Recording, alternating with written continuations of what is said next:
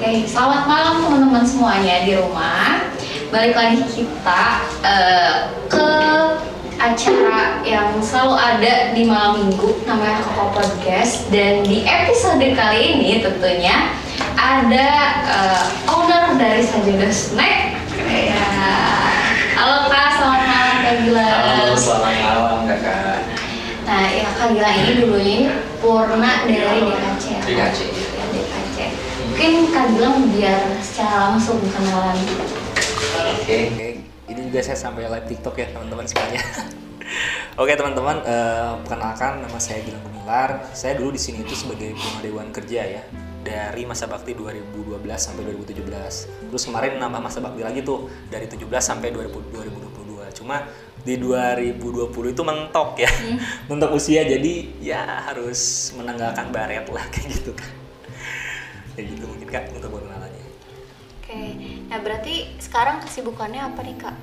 Sekarang sih kalau Fokus. kesibukannya sih lebih ke fokus ke bisnis ya. Ya, ke bisnis. Fokus ke bisnis ya, ke bisnis dan karena bisnis kita memang berawalnya itu pada saat pandemi Ya. itu tahun 2020 itu bulan Juli ya. Itu pada saat pandemi lagi naik-naiknya itu. Ya, ya, Saya masih ingat. Kita main ke suatu daerah kan, ke daerah Ciamis yang memang daerahnya itu kayak gimana ya? Masyarakat di sananya itu memang sangat-sangat terdampak gitu. Hmm. Kebanyakan didominasi oleh petani.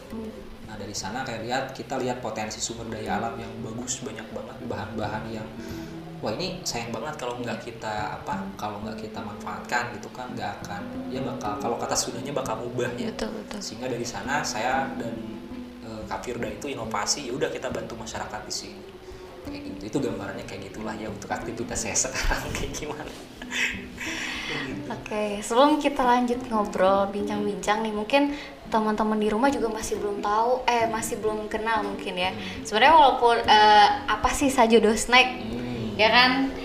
Eh, sekilas mungkin Kak Gilang bisa ceritain Oke. apa itu Sajodo Snack. menarik sekali ya ketika ada yang nanya kak sajodo itu apa sih kak kenapa dinamakan sajodo Iya, iya Gitu kan. betul. Saya juga penasaran nih Kak, kenapa namanya Sajodo? Jadi Apakah sajodo itu kita ambil dari filosofi bahasa Sunda mungkin ya, Iya. sajodo. Jadi berpasangan kalau Hmm. bahasa Indonesia ya. Jadi yang pertama karena memang yang menjalankan bisnis ini saya sama Kapirda kan, yang merintis tuh saya sama Kapirda. Yang kedua memang ada alasan yang sangat menguatkan itu karena kedua orang tua kita itu memang basically-nya adalah seorang bisnis gitu, bisnis. Jadi kayak ya udah kenapa nggak kita namakan sajodo gitu kan. Kita rapat waktu itu teleponan sampai jam 4 subuh Wah, untuk merancang sebuah nama. dari pukul berapa tuh? Start itu beres saat isa janjian, Oke. yuk orang teleponan gitu kan kita ngobrol. Gitu. Eh alhamdulillah. Semalaman suntuk ya. Tapi emang emang ngobrolnya asik sih. Iya, iya, ngobrolnya iya. asik karena memang fokusnya itu kita udah lihat kasusnya kan di sana. Iya. Kita namakan apa ya, kita namakan apa ya gitu kan dan ya tercetus nama jodoh gitu ya. Alhamdulillah Sampai sekarang gitu. sampai sekarang. Nah, buat temen-temen di rumah juga yang belum tahu, Sajodo Snack ini juga ini banget ya, udah terkenal di negeri TikTok dengan 500 ribu followers ya kalau nggak salah ya. Iya, 500 ribu lebih ya, 500 Iya, lebih, hmm. followers. Jadi mungkin eh, yang belum tahu kepoin aja. Apa nama TikToknya kak? Sajodo Snack. Sajodo Snack. Hmm. Ya. Itu awalnya produknya apa aja sih sebelum pas lagi merintis tuh? Kita Produk pertama. produk pertama. Iya. Oke, kita pelopornya sih sebenarnya ada di eh, keripik kaca. Oke. Karena kan memang waktu itu kan sumber daya yang ada sumber daya alam yang benar-benar tidak termanfaatkan di sana itu kan memang singkong ya. Hmm. Kalau misalkan singkong kita olah menjadi singkong biasa yang Iya. dipotong itu kan kayak ya biasa aja kan. Betul. Malah kebanyakan yang saya hasilnya saya anak muda itu kayak Nggak suka. eh, ih kenapa dua singkong makan singkong apaan gitu kan. Makanya kita inovasikan supaya eh, yang tua itu eh yang tua berusaha yang muda berkarya itu kan Betul. terus kayak mereka itu senang lah dengan produk-produk lokal Iya. senang kayak gitu makanya kita ya udah kita riset riset inovasi ya udah kita buat keripik kaca aja gitu kan mungkin ya mungkin kalau orang Sunda itu lihat keripik kaca kayak ah biasa aja Iya. biasa aja kita pernah minder sih soalnya dulu pernah disepelekan kayak lah naon sih keripik kaca Betul. apa sih keripik kaca gitu kan paling dijualnya keuntungannya atau batinya berapa lah Hmm. gitu It's okay kita di sana kayak ya udah kita survive gitu kan Bismillah dan alhamdulillah kan sekarang dulu itu kita di kota Tasikmalaya itu kayak di ya apa dianggap sepele ya Soalnya mungkin eh, masuknya banyak ya produk Hmm, betul. keripik kaca tuh di mana-mana gitu. Jawa Barat tuh memang Banyak. lah ino ya inovasi makanan yang aneh-aneh itu katanya ya sebagai Iya. besar emang dari Jawa Barat makanya waktu itu kita coba target pasarnya itu menyasar orang-orang yang berada di luar Jawa Barat. Alhamdulillah itu Jawa Tengah Jawa Timur Kalimantan. Pernah sampai kita itu ada orderan berapa ya? Berapa ratus saya lupa lagi dari Malaysia. Wow. Malaysia Singapura. Berarti udah ekspor ke luar negeri juga. ya seperti itulah. Keren banget. terakhir dari Turki kalau nggak salah. Ya Turki terakhir itu. Cuma yang dari Turki itu memang karena mungkin sekarang untuk jalur ke luar negeri Iya. ditutup dulu. Jadi kita untuk perjalanan luar dikat dulu. Sedih banget sih sebenarnya aduh alhamdulillah Terus setelah dari itu eh, produk selanjutnya yang jadi best seller dari Sajodo Snack itu apa aja kan? Hmm, setelah kita setelah beberapa bulan kita di Keripik Kaca Iya. kita coba inovasi waktu itu ada sih apa apa namanya yang nyam nyam box itu dulu Oh, iya iya iya, I know I know. Ah itulah pernah dulu cuma Iya, itu iya. cuma apa ya cuma selingan doang sih itu mah cuma nambah supaya ada yang manis-manisnya gitu. Itu cuma berapa bulan sih. Snack manis gitu ya yang ada sausnya tuh kayak Ya, strawberry itu. coklat Ah, gitu. Kita pernah dulu ke itu cuma ya itu mah cuma pemanis aja sih dulunya. Nah itu cuma berapa bulan kita coba cari ya udah kita apa sih jajanan lokal yang bisa kita up Betul. dan di sana kita mikir oh ya udah gitu kan kita main lihat di daerah daerah-daerah yang dekat saya gitu oh seblak gitu kan ya udah kenapa enggak kita buat seblak instan gitu Iya, kan iya. karena kan memang jarang tuh ada yang eh, apa yang buat seblak instan Masih ya jarang. udah kita buat seblak instan dengan inovasi dari Sajodo Snack Hmm. kayak gitu dan alhamdulillah sekarang setelah setelah seblak launching satu bulan setelah itu kejuara Roma dan ternyata yang dulunya primadona itu di keripik kaca keripik kaca sekarang udah mulai tersaingi oleh Iya. si seblak seblak sekarang luar biasa banget sih kayak bener-bener jadi primadona sih sekarang bagi kayak gitu. Berarti kayak pecinta seblak tuh harus banget ya, harus banget nyobain seblaknya Sajodo Harus Snack gitu. sih. Soalnya, memang kita itu ya yang namanya riset kan Iya, masih iya. lihat dari orang lah ya lihat dari Hmm, orang betul. berdasarkan keilmuan dan segala macamnya gitu kan kita kayak coba ya udah kita riset sesuai dengan kemampuan kita karena memang saya basically bukan orang bisnis sih Iya. kalau saya saya itu lulusannya dulu tuh informatika gitu kan kayak ya udahlah dengan ilmu tentang informatika yang saya miliki kenapa enggak saya coba gitu kan cari-cari informasi gitu kan Tevir, eh, Kafirda itu di pemasaran gitu Iya. kan ya udah kita punya passion itu sendiri nanti kita collabkan di Sajodo dan alhamdulillah sih sampai sekarang kita Sajodo berjalan ya lumayan lah alhamdulillah ya bisa sampai memberdayakan masyarakat yang di daerah Ciamis itu satu kampung lebih sih kayaknya satu kampung Sekarang udah berapa karyawan kak yang ada di bawah Sajodo Snack? yang terdata itu yang kemarin ya Iya. itu lebih dari 100 Wow.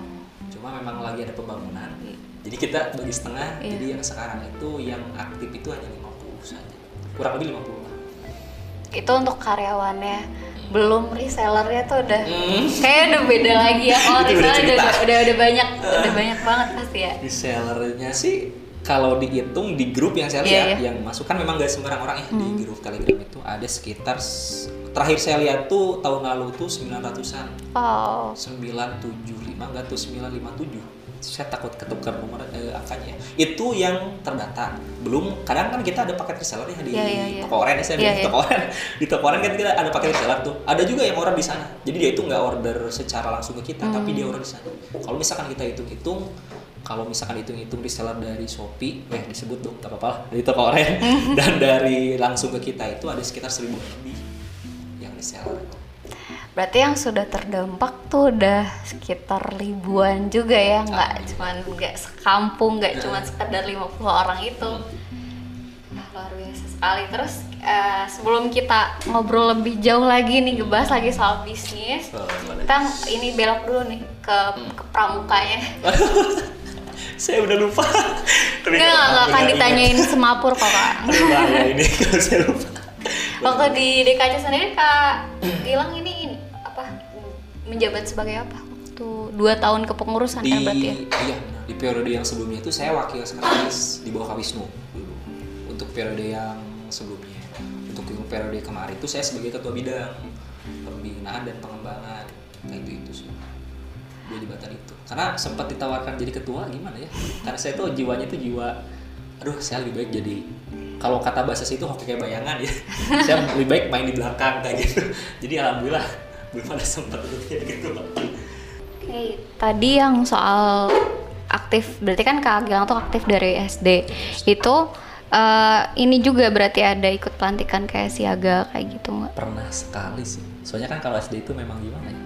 Mungkin lebih ke metodenya itu gimana caranya anak aktif ya Iya, iya. untuk masalah dilantik dan sebagainya macamnya sih kebanyakan mungkin yang saya rasakan dulu Iya. itu formalitas ya tapi pernah sih dulu pas mau ada LT saya lupa lagi LT kalau nggak salah itu karena waktu itu saya yang siaganya nggak ikut jadi saya tuh di itu Oh. langsung ke siaga yang pengalangnya eh Iya, iya. ke apa yang ke pengalangnya langsung jadi dulu tuh pernah ikut LT nah dari sana baru dilantik dadakan di CSKU dadakan gitu Yang buat siaganya apa penggalang ya tadi? Hmm, yang pengalangnya Penggalangnya. Kalau siaga sih saya cuma sebentar sih jadi siaga ah, beberapa bulan lah itu langsung diminta ke penggalang karena mungkin dulu fisik tinggi katanya udah sih langsung aja katanya penggalang katanya gitu. Oh, berarti waktu, waktu SD itu udah langsung disuruh ke penggalang. Mm-mm. Kelas 6 SD berarti apa 5 SD? kelas 5 kelas 5 nih kelas 5 gitu kelas 5 SD hmm, kelas 5 SD Kalau ikut jambore kayak gitu pernah nggak sih Kak selain LT nih? pernah jambore Jambore. jambore cabang eh, itu pas SMP sih SMP. SMP itu kita jam, pernah ikut jambore cabang. Saya tuh pernah ikut jambore cabang yang di saya lupa lagi Ki Alir kalau nggak salah. Ci, eh, Cikanyere. yang Cikanyere itu 2000 berapa ya? 2018 sih. Lupa lagi sih. 2018 sudah lama banget sih itu. Itu tuh itu cikanya eh di mana tempatnya Kak? Masih di Tasik. Itu tuh Karangresik Oh. yang oh belakang Almutakin. Oh, iya, Yang iya. belakang Almutakin tuh yang dulu itu ada lahan yang kayak buat Hmm. teruk-teruk gitu. Kalau nggak salah itu namanya Cikanyere kalau nggak salah nama daerahnya. Pertama yang berkesan itu kegiatan itu sih di Jambore itu. Selain LT itu ya. Sebagai panitia apa peserta Kak? Masih peserta sih Oh, masih SMP. peserta. Hmm, masih peserta. 2018 SMP. 2008. Oh. 2008. Kayaknya setelah Oke. minggu deh tadi. Terus semangat. Oke, aku bilang 2018 SMP. Saya 2018 kemarin. Berarti masih muda ya kalau kayak gitu. ya Allah. So, eh, berarti itu yang paling berkesan selain LT Jambore. Itu di Jambore cabang momen-momen yang paling berkesannya apa kan kalau aku tuh yang sering aku ingat tuh lebih kayak waktu Jamnas tuh WC-nya yang terbuat dari bahan kayak galon gitu yang cuman segitu. Mungkin kalau di Jambore cabang waktu Kak Gilang sendiri yang paling momen yang paling diingat tuh apa sih Kak? Momen yang paling diinget tuh dulu pas bagian piket masak. Oke. Masak Jadi mie. hmm, Orang lain kan masak mie pakai air ya. ya. Ini kan ada dua botol. Ada dua botol. Kita nggak tahu itu botol mana yang minyak tanah, mana yang air. Dulu kan waktu itu lapar ya, ya udah masak aja masukin. Pas dimasak kasih bumbu udah beres. Pas makan. Sejak kapan rasa mie kayak gini gitu kan? Ya udah dihabisin. Pas temen saya nyari elang yang botol hijau mana katanya gitu Iya. kan. Itu udah beres masak, hah katanya. Hah, kenapa? Hah? Minyak tanah katanya. itu bikin berkesan itu kenapa? Karena sampai saat sampai saat ini saya minum minyak tanah ya dengan mie itu kayak alhamdulillah ya nggak apa-apa. Dulu, dulu pernah dengar berita katanya sampai meninggal lah sampai itu sempat Parno kan satu minggu Iya, itu iya, iya. sempat Parno itu dulu satu minggu. Kalau di Penggalang sih itu sih yang berkesan kalau penegak sama penegas sih. Tapi kan warnanya beda, air putih sama air. Nah itu tuh masaknya itu maghrib. Inget beres sholat. Oke. Duh lapar kan? Mikir dulu tuh namanya juga SMP ya. Duh sholat dulu. Hmm, Apa namanya makan dulu. Ah takutnya tuh pas sholat tuh Allahu Akbar kerebok kan? Eh udah makan dulu. Dulu mikirnya kayak gitu ya Dasar lagi Iya, lagi iya, bocah ya. Ya udah masak dulu kan maghrib. Kan penerangan terbatas Iya, ya. iya. Gitu aja. Oh ya udah gitu kan. Terus kan memang botolnya warna hijau ya. Oh. Kita nggak tahu tuh gitu kan. Kalau minyak tanah kan pasti bedanya warnanya Kalau dulu itu ya bedalah pokoknya ya. Dari bau juga kan harusnya udah kecium kalau harusnya. itu, itu minyak dasar tanah. lagi lapar ya. Dasar lagi lapar jadi ya udah langsung aja. Digoreng untungnya tuh nggak kena langsung apa api, Api, ya, kalau ya. kena ya udah gitu kan tenda kayaknya hangus sih. Kata gu eh kata pembina itu masih mending katanya. Lah Hmm. pak saya udah makan minyak kena eh udah minum minyak ini gimana? Ya daripada kena tenda? Ya gitu kan. Kata pembina masih mending. Kalau Iya. misalkan itu kena api udah katanya bahaya gitu kan setenda bisa kebakar dulu kayak gitu Kalau kata orang Sunda mah masih ada istilah untungnya gitu. untung orang Sunda tuh kayak gitu ya masih untung Masih untung orang Sunda mah kayak gitu. padahal kita parno itu satu minggu Tapi tuh nggak nggak diare habis makan itu nggak diare kak. Nah, itulah yang bikin saya bangga. Nanti badan saya kuat gitu kan. Saya di pramuka itu bener-bener eh, gimana ya badan saya itu dilatih kuat dari sana Iya, kayak iya. takut tapi bangga gitu Betul, kan. Setelah satu betul. minggu itu berlalu, wah saya kuat gitu kan. Saya kuat kayak bangga. Duh, wih saya dulu pernah ini loh masak mie pakai minyak tanah dulu waktu waktu SMP ya waktu bocil kayak hal kayak gitu aja jadi bangga gitu hal kayak gitu aja jadi bangga gitu aduh aneh-aneh aja dulu Tapi bakal ada cerita ya untuk kalau generasi selanjutnya itu. pasti ada sih kayak hati-hati memilih botol hati-hati gitu kan hati-hati jangan sembarangan Di kalau di SMA sendiri kan tadi udah di Penggalang, lanjut ke Penegak. oke kalau penegak sih dulu itu pernah ikut estafet tunas kelapa Hmm. yang nasional dulu sih gambaran kegiatannya saya kurang tahu sih cuma kalau nggak salah dulu itu si tunas kelapa itu si Panji Iya. diestafetkan dari dari ujung sampai ke pusat itu di Jakarta dan saya dan waktu itu saya tuh ditunjuk sama Kuarcam jadi pasukan elit gitulah pokoknya pasukan elit gimana lah. Jadi yang yang khusus bawa panji. Hmm. yang khusus bawa panji diserahkan ke penerima panji yang dari kabupaten. Dari kabupaten lanjut ke apa ke Garut dan seterusnya kayak gitu. Jadi itu yang bikin bangga tuh itu sih. Kayak jadi pasukan khususnya Iya, kan? iya, Eh, iya. pasukan khusus dong. Kayak ngerasa wah TNI banget gitu kan. Kayak ngerasa pasukan Pilihan. elit. Kayak gitu. Dulu itu sih kalau di penegak selain lomba-lomba ya yang paling berkesan itu soalnya memang kegiatan nasional juga. Sistemnya itu kayak gimana kak? Itu dari estafet itu kita eh, bertemu di satu tempat gitu untuk ngasih apa kita datang nih misalnya estafetnya giliran Tasik ke kabupaten kota ke kabupaten kita datang ke kabupaten ngasih panjinya kemudian dari kabupaten ke Garut untuk dan seterusnya apa gimana sih kak? kalau dulu sih start pointnya itu dari alun-alun Alun-alun Tasik. Tasik. Kan alun-alun Tasik kan dulu belum sebagus kayak sekarang ya. Iya. Jadi lapang itu masih bisa dipakai dulu masih Hmm. dari sana. Itu di jalan-jalan yang mau masuk SMP 2 nah dari sana. Di sini pasukan yang eh, pengiring, di sini pasukan elit yang depan penopo ya kalau nggak salah. Nah depan penopo dari sana. Dari sana itu kita perjalanan sampai saya lupa lagi nama daerahnya dekat Masjid Agung ke sebelah sono. Hmm, pokoknya itu daerah perbatasan kabupaten saya lupa lagi na- na- nama nama daerahnya. Dari sana baru ada yang penerima yang dari kabupaten. Hmm, Jadi dia itu nerima panju untuk diteruskan ke kota selanjutnya sampai di eh, di kuartir nasional kalau nggak salah itu kembali ke kuartir nasional si panjinya kayak gitu. Itu tuh acara estafet kegiatan kayak gitu tuh berapa tahun sekali apa emang itu baru soalnya aku juga baru denger Baru denger gitu ya? ya? baru denger dan baru tahu juga kan Kayaknya sih udah nggak ada lagi. Udah nggak itu ada lagi. terakhir waktu saya tuh kelas kelas 11 sih kalau nggak salah. Kelas 11, eh, kelas 11 dulu tuh. Berarti tahun 2000 berapa ya? 2010, 2011-an ya antara 2010 2011-an. Itu dulu pas pergantian ketua Kuarnas. Oh, Oke. Jadi dia itu mungkin ingin membuat gebrakan kegiatan. Yang saya baca tuh kayak gitu. Jadi dia itu buat satu kegiatan yang bisa menyambungkan pramuka ini dengan pramuka ini dengan estafet Tunas Kelapa itu. untuk pecah rekor muri kali Hmm, ya Betul, pemecahan rekor muri juga sih dulu. Sih soalnya tahun sekarang nggak ada kan kalau jambore Raimuna kan selalu ada emang agenda per empat tahun eh lima Pasti, lima pasti, tahun pasti ada kan, pasti gitu ada lagi kayak gitu. nah kita udah banyak juga ngobrolin soal pramukanya balik lagi ke bisnis Pandeganya nggak ditanya. oh di Pandega ada yang berkesan Oh, juga kak Pandega banyak.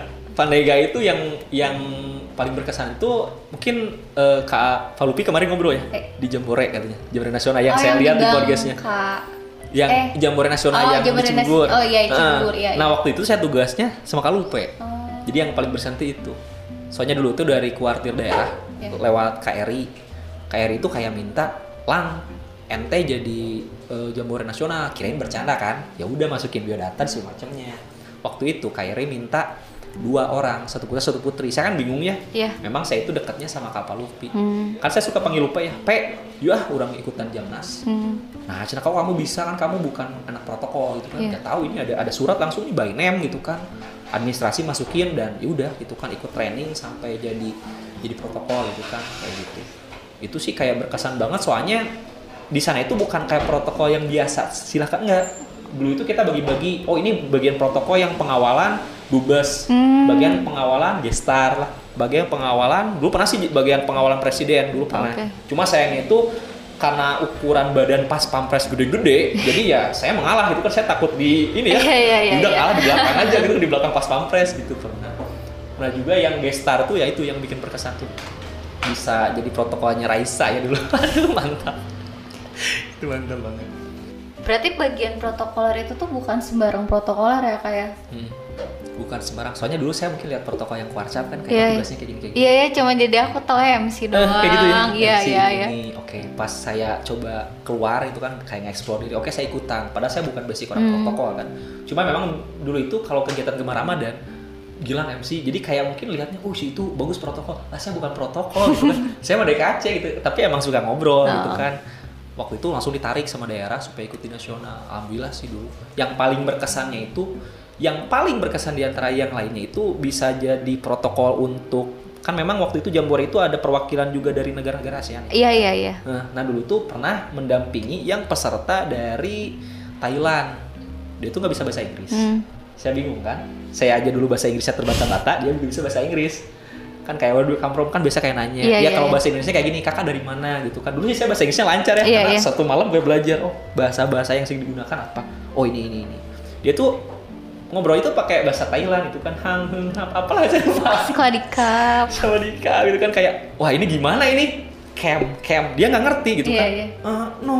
Dia cuma taunya yes sama no doang gitu kan. Itu yang bikin saya berkesannya itu itu gitu kan ini gimana caranya saya bisa memecahkan apa yang dia inginkan gitu Iya iya. dan alhasil ternyata dia itu pengen ke Geraha Oh. Geraha ya udah saya anter gitu kan Terus tahu ya akhirnya dia pengen ke Geraha itu gimana? Setelah pakai bahasa isyarat atau bahasa gambar gimana? saya minta eh, teman-teman saya yang tugas di tiap eh, apa di tiap pos itu Iya. fotoin coba toh fotoin eh, tempat kalian kayak yang Oh, dari Geraha yang tadi ini ini eh, this Wah, oh oke, baru ngerti.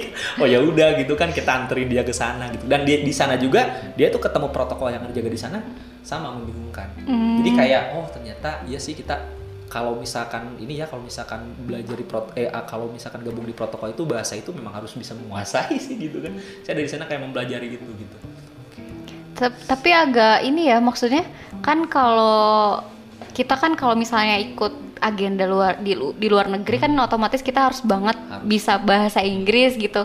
Jadi kan eh, kalau dari ternyata dari negara sebelah nggak ma- malah nggak punya kecakapan itu gitu kan itu juga yang bikin menyusahkan diri dia Nah, sendiri itu. kayak gitu kan. Jadi itu tuh kayak berkesannya tuh itu kita gimana caranya bisa memecahkan apa yang dia butuhkan dia itu butuh apa gitu kan Iya. sampai muter-muter sampai dulu ingat di di antar pakai apa sih pakai sepeda Hmm. yang banyak itu kan oke ikut gitu kan Iya. ikut ikut. Kita kita ngeliling-ngeliling kan. Dia masih nggak nggak nggak nggak tahu tujuannya ke mana.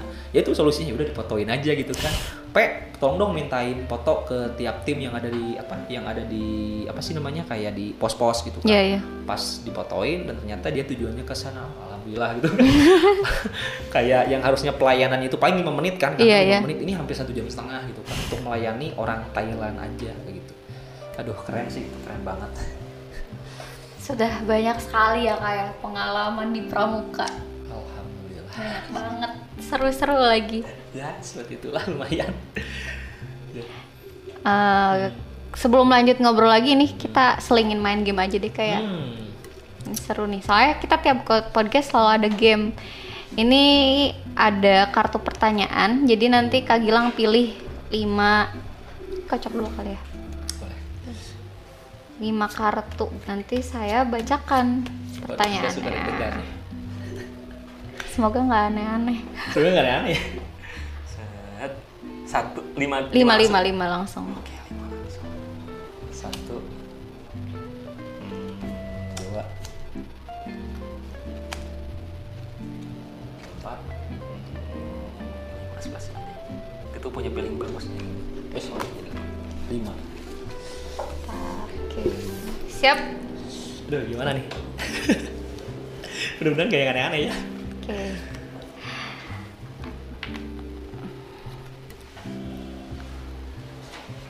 Kalau hmm, bentar bentar.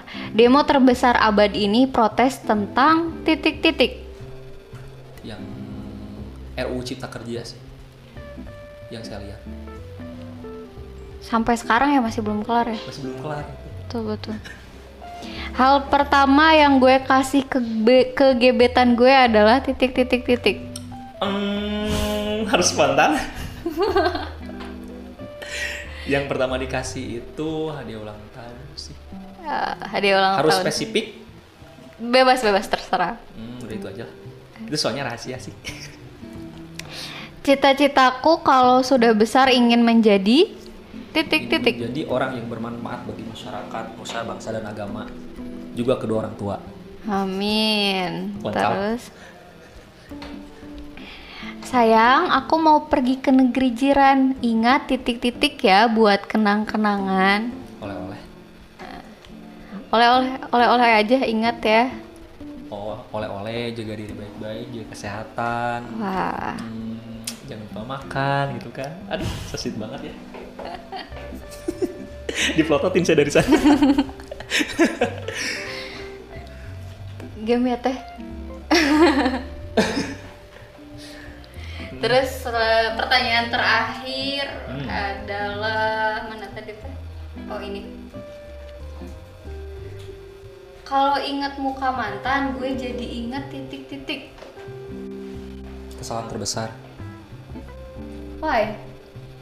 Ya, yang namanya mantan kan ya kayak gitulah pokoknya kesalahan terbesar gitu. Karena sudah ber- berlabuh di sana. Oke, udah, aduh, udah. Damai ya, damai ya buat Udah. mantan damai ya. Nggak mau ada urusan lagi. Oke. Kartu isinya semuanya menjurus ke situ Aduh, ya. bahaya ya ini pertanyaannya bahaya banget sih. Ini sorry ya ini pertanyaan dari sini ya, sorry. nggak tahu isinya gini oke. Udah Eh, karena udah beres nih lima pertanyaan kak lanjut aja ya. Kita ngobrol lagi soal yang bisnis bisnis soalnya aku penasaran juga kan mau belajar nih dari kak Gilang. Waduh, Bismillah ya. Eh, oh ya kak. Modal awal dari ngembangin Sajono Steak ini tuh berapa sih? Soalnya kan kadang orang tuh mikir buat ngebuka usaha tuh ini modalnya banyak kali ya butuh modal banyak juga kan. Jadi itu yang jadi pertimbangan tiap orang akhirnya buat mutusin buat buka usaha gitu Hmm, sih emang disadari atau tidak orang itu pasti bikin itu modal ya. iya iya iya Wah, modal Jadi harus kayak gini, harus kayak gini. Dulu sih kalau kita itu modalnya dulu itu kalau hitung-hitung ya. iya Saya itu dulu itu modalnya itu sumbernya dari honor di SD karena kan dulu, Hmm. dulu emang kerja di SD gitu. Dulu itu nabung tiap bulan kayak 50 ribu, 50 ribu, 50 ribu terus aja sampai punya pengas eh sampai terkumpul 600 ribu. iya Dari saya dari sana saya mikir juga kayak kurang banyak. Ah ya udahlah nanti dulu. Terus kayak kemotivasi dari Kak Firda kan, nggak apa-apa kita cari gimana caranya yang yaudah gitu kan kalau misalkan kita nggak punya modal banyak modal sedikit dengan gagasan yang Hmm. banyak kenapa nggak kita coba gitu waktu itu Kak Firda nambah berapa saya nambah berapa ya kalau itu itu kurang anggaplah satu juta ya Hmm. modal dari sana sih dulu segitu sih kalau dihitung itu modalnya segitu sekitar 600 ribu kalau dibulatkan dengan yang dari Firda itu satu juta lah Oh. karena dulu tuh kita kayak ya bisa udunan cek seorang tsunami Iya, iya. kayak emang kayak emang kayak gitu kayak gitu sih dulu tapi itu modalnya cukup kecil ya bisa dibilang kalau menurut ya sangat sangat kecil gitu dengan dibandingkan dengan keuntungan yang sekarang ya. alhamdulillah Tapi mungkin dari Kak Gilang sendiri nih buat teman-teman di rumah mungkin yang dengerin gimana sih eh, yang eh, mungkin masih ada yang pengen mulai usaha tapi masih ragu, terus ada yang pengen mulai tapi masih nggak ada modal gitu mungkin ada tips atau pesan dari Kak Gilang buat teman-teman di rumah tuh. Hmm, saya ini agak sedikit mengutip dari dari orang yang saya gimana ya kayak orang yang saya anggap guru lah Iya. gitu. kalau misalkan dalam bisnis itu ya do it for duit jadi kayak udah lakukan gitu. Kalau misalkan ingin duit ya lakukan kayak gitu. Dari saya itu saya bingung apaan sih maksudnya? kayak gitu. Iya, iya, iya. dari sana saya mencerna dan sebagainya macamnya ya udah dengan apa pun gimana caranya asal ada gagasan yang ada gagasan yang bagus walaupun modal dikit ya kalau misalkan kita konsisten Hmm. itu insya Allah sih peluang itu pasti ada.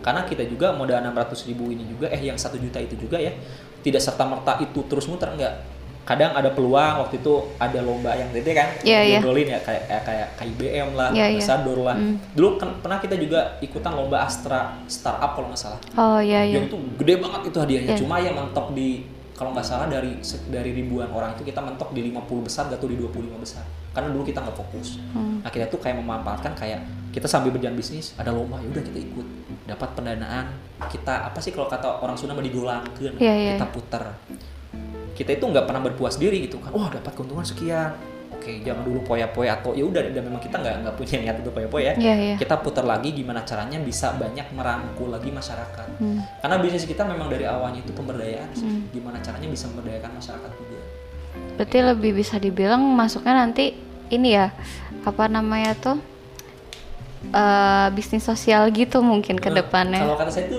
kalau dulu tuh kata teman saya itu bisnis AA mah sosiopreneur Oh iya, sosiopreneur ya. Nah, Nah, itu disebutnya gitu. sosiopreneur. jadi mementingkan keuntungan itu urusan nanti Hmm, gitu betul, yang betul. penting bisa bisa memberdayakan masyarakat dan juga bisa membantu ya bisa membantu dan memberdayakan gitu.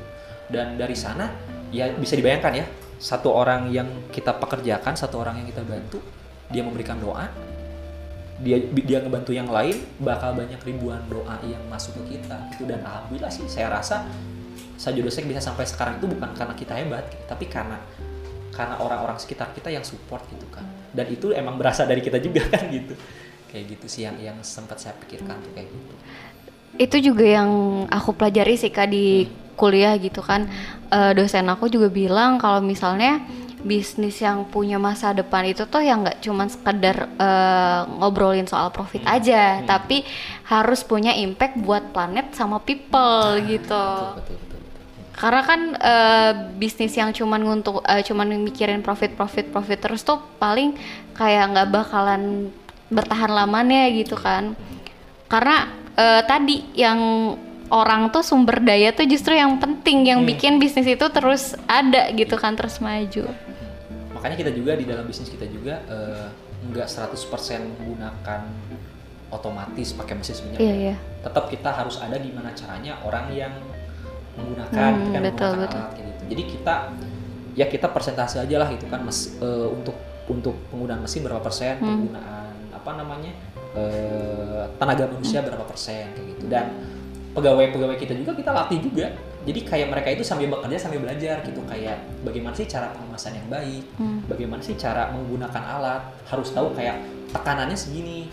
Saya dapat ilmu itu juga dadakan sih sebenarnya Iya. oh mesin itu kayak gimana ya belajar gitu kan belajar sama-sama sama Kak Firda kayak mempelajari. Kita suka nongkrong kemarin juga waktu bulan-bulan kami kita nongkrong di ini di Simpul Kopi juga analisis oh harus kayak gini kayak gini kayak gini kita ajarkan ke pegawai dan pegawai punya ilmu juga kan. Jadi mereka itu mikirnya tuh enggak ya udah saya pokoknya saya kerja di sini ya udah cuma buat duit aja enggak tapi mereka juga punya ilmu.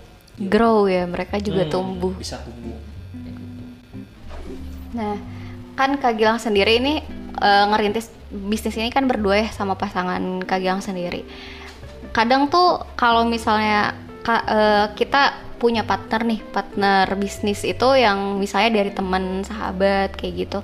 Kadang cara misahin antara urusan pribadi sama urusan bisnis tuh kayak gimana sih dari dari Kak sendiri? Karena kan gak apa ya, aku pernah ketemu juga dari beberapa teman aku yang akhirnya mereka malah jadi musuhan gitu karena slack dari tadi udah bisnis bareng ternyata mereka nggak cocok akhirnya malah jadi nggak temenan kayak gitu Kalau dari kita sih karena memang yang menjalankannya kita juga punya mi- misi tersendiri Iya, ya gitu. Jadi kalau misalkan ada selek yang menggabungkan antar pribadi dengan pekerjaan, kita kembali ke kalau dalam usaha itu visi eh, visi misi kita itu yang udah pemberdayaan. Hmm. Kalau dalam pribadi, kalau misalkan ya udah bisnis ini itu gimana caranya kita bisa ngebangun bisnis yang memang itu nantinya itu bisa membuat kita mandiri. Hmm. Kayak misalkan ya, kayak kita mau tunangan itu Hmm. ya udah gitu kan kita eh, apa pakai moda ada eh pakai pakai yang dari bisnis itu gitu kan mau nikah ya udah pakai dari moda yang ini ya eh, dari yang bisnis itu kayak gitu jadi satu sama lain nggak saling bersinggungan sih walaupun pada pelaksanaannya ya manusiawi ya mungkin kadang iya kadang ada misalkan- sedikit cekcoknya kadang tapi kita kadang yang bikin enjoynya itu kadang harus ada salah satu di antara kita kita itu yang eh, makan yuk atau iya. sini yuk ngopi yuk. Jadi kan kayak ya udah ayo gitu kan. Jadi eh, ya jadi cooling lagi ya kali cooling down lagi lah kayak gitu sih. Harus ada salah satu di antara kita yang bisa kayak gitu. Harus bisa jadi ini ya ngalah. Nggak boleh ego dua-duanya. Bahaya. Bahaya banget kalau kayak gitu.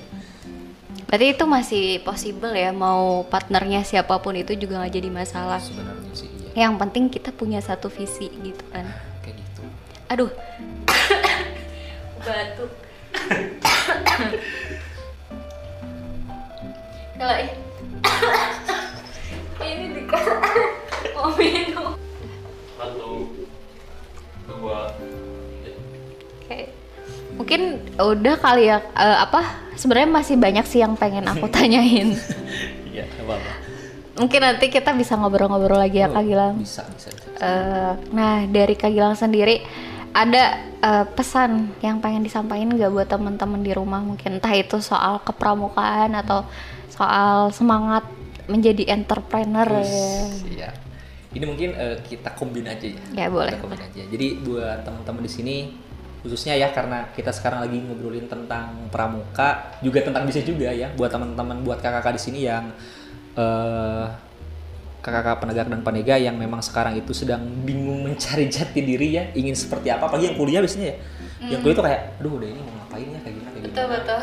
dari daripada kakak berpikir kuliah untuk bekerja ya coba kakak berpikir kuliah untuk bisa mempekerjakan dan memberdayakan dulu saya mikirnya kayak gitu dulu saya mikirnya kayak gitu kayak ah udah ini aku pengen kerja di sini kayak gini kayak gini dan ya mungkin setiap orang tuh punya gagal jatah gagalnya masing-masing Iya. kalau kata Kang Momon ya kalau kata Kang Momon tuh setiap orang tuh punya jatahnya masing-masing Hmm. kemarin saya banyak gagal asli saya itu kayak sekarang itu bukan karena saya punya channel ini enggak karena saya pernah gagal kayak gitu sehingga dari gagal itu saya punya modal untuk ya udah saya kemarin gagal untuk menjadi pekerja orang Hmm. ya udah saya coba untuk gimana caranya saya bisa jadi kalau bahasa keren itu ya udah saya jadi bos saya pengen Iya. gimana dan memang kayaknya rezekinya itu saya harus jadi ini gitu dan dari konsisten gitu kan Hmm, dari tetap semangat alhamdulillah sih eh, bisa bisa kayak sekarang gitu. dan prinsip saya itu ya sama sih kayak dulu gitu from zero to hero gitu from nothing to something Iya. kayak dari ah siapa sih Gilang gitu kan ah jualan keripik ah, tapi kan kayak sekarang nggak oh Gilang Iya udah jadi bos. Ah, jadi mikir Bos apa mikir ke sana sih besar. dulu gitu. Kalau pesan dari saya kepada kakak kayak gitu sih. Yang terakhir ya, terus berlatih ilmu di pramuka itu benar-benar bermanfaat. Apalagi sekarang kalau misalkan teman-teman kalau ada rezekinya kakak ya jadi bos, itu ilmu kepemimpinan itu yang kalau kata Ki Hajar Dewantara itu kan kayak Ignacio Suntulodo, Iya, iya. Mongkarso Tutuhanda itu itu benar-benar dipakai loh di dalam bisnis. Kita nggak bisa ego, lah gimana saya gitu. Iya, iya. Bisa bisa saya enggak. Kita harus bisa memperhatikan tiga aspek itu dalam kepemimpinan dan alhamdulillah itu saya pakai di dalam bisnis saya dan pegawai betah gitu kan. Mereka betah nggak mau keluar gitu. Kalau ada apa pun kayak nggak apa-apa lah aku mah cuma keluar gaji atau apa pun segala macam yang penting nyaman di sini gitu. Betul. kalau kita kuat di sana insya Allah sih kita bisa. Nah itu dia pesan dari Kak Gilang. Ada banyak sih yang kita eh, Banyak dapat nih dari Kak Gilang sendiri kan dari model soal ngobrolin soal model, cara ngerintis usaha, terus semangat entrepreneur ya banyak sekali dan yang terpenting itu gimana caranya kita bisa menjadi manusia yang bermanfaat bagi sekitarnya gitu. Memberdayakan orang-orang di sekitar kita. Nah, paling itu kali ya obrolan topik obrolan di podcast malam ini.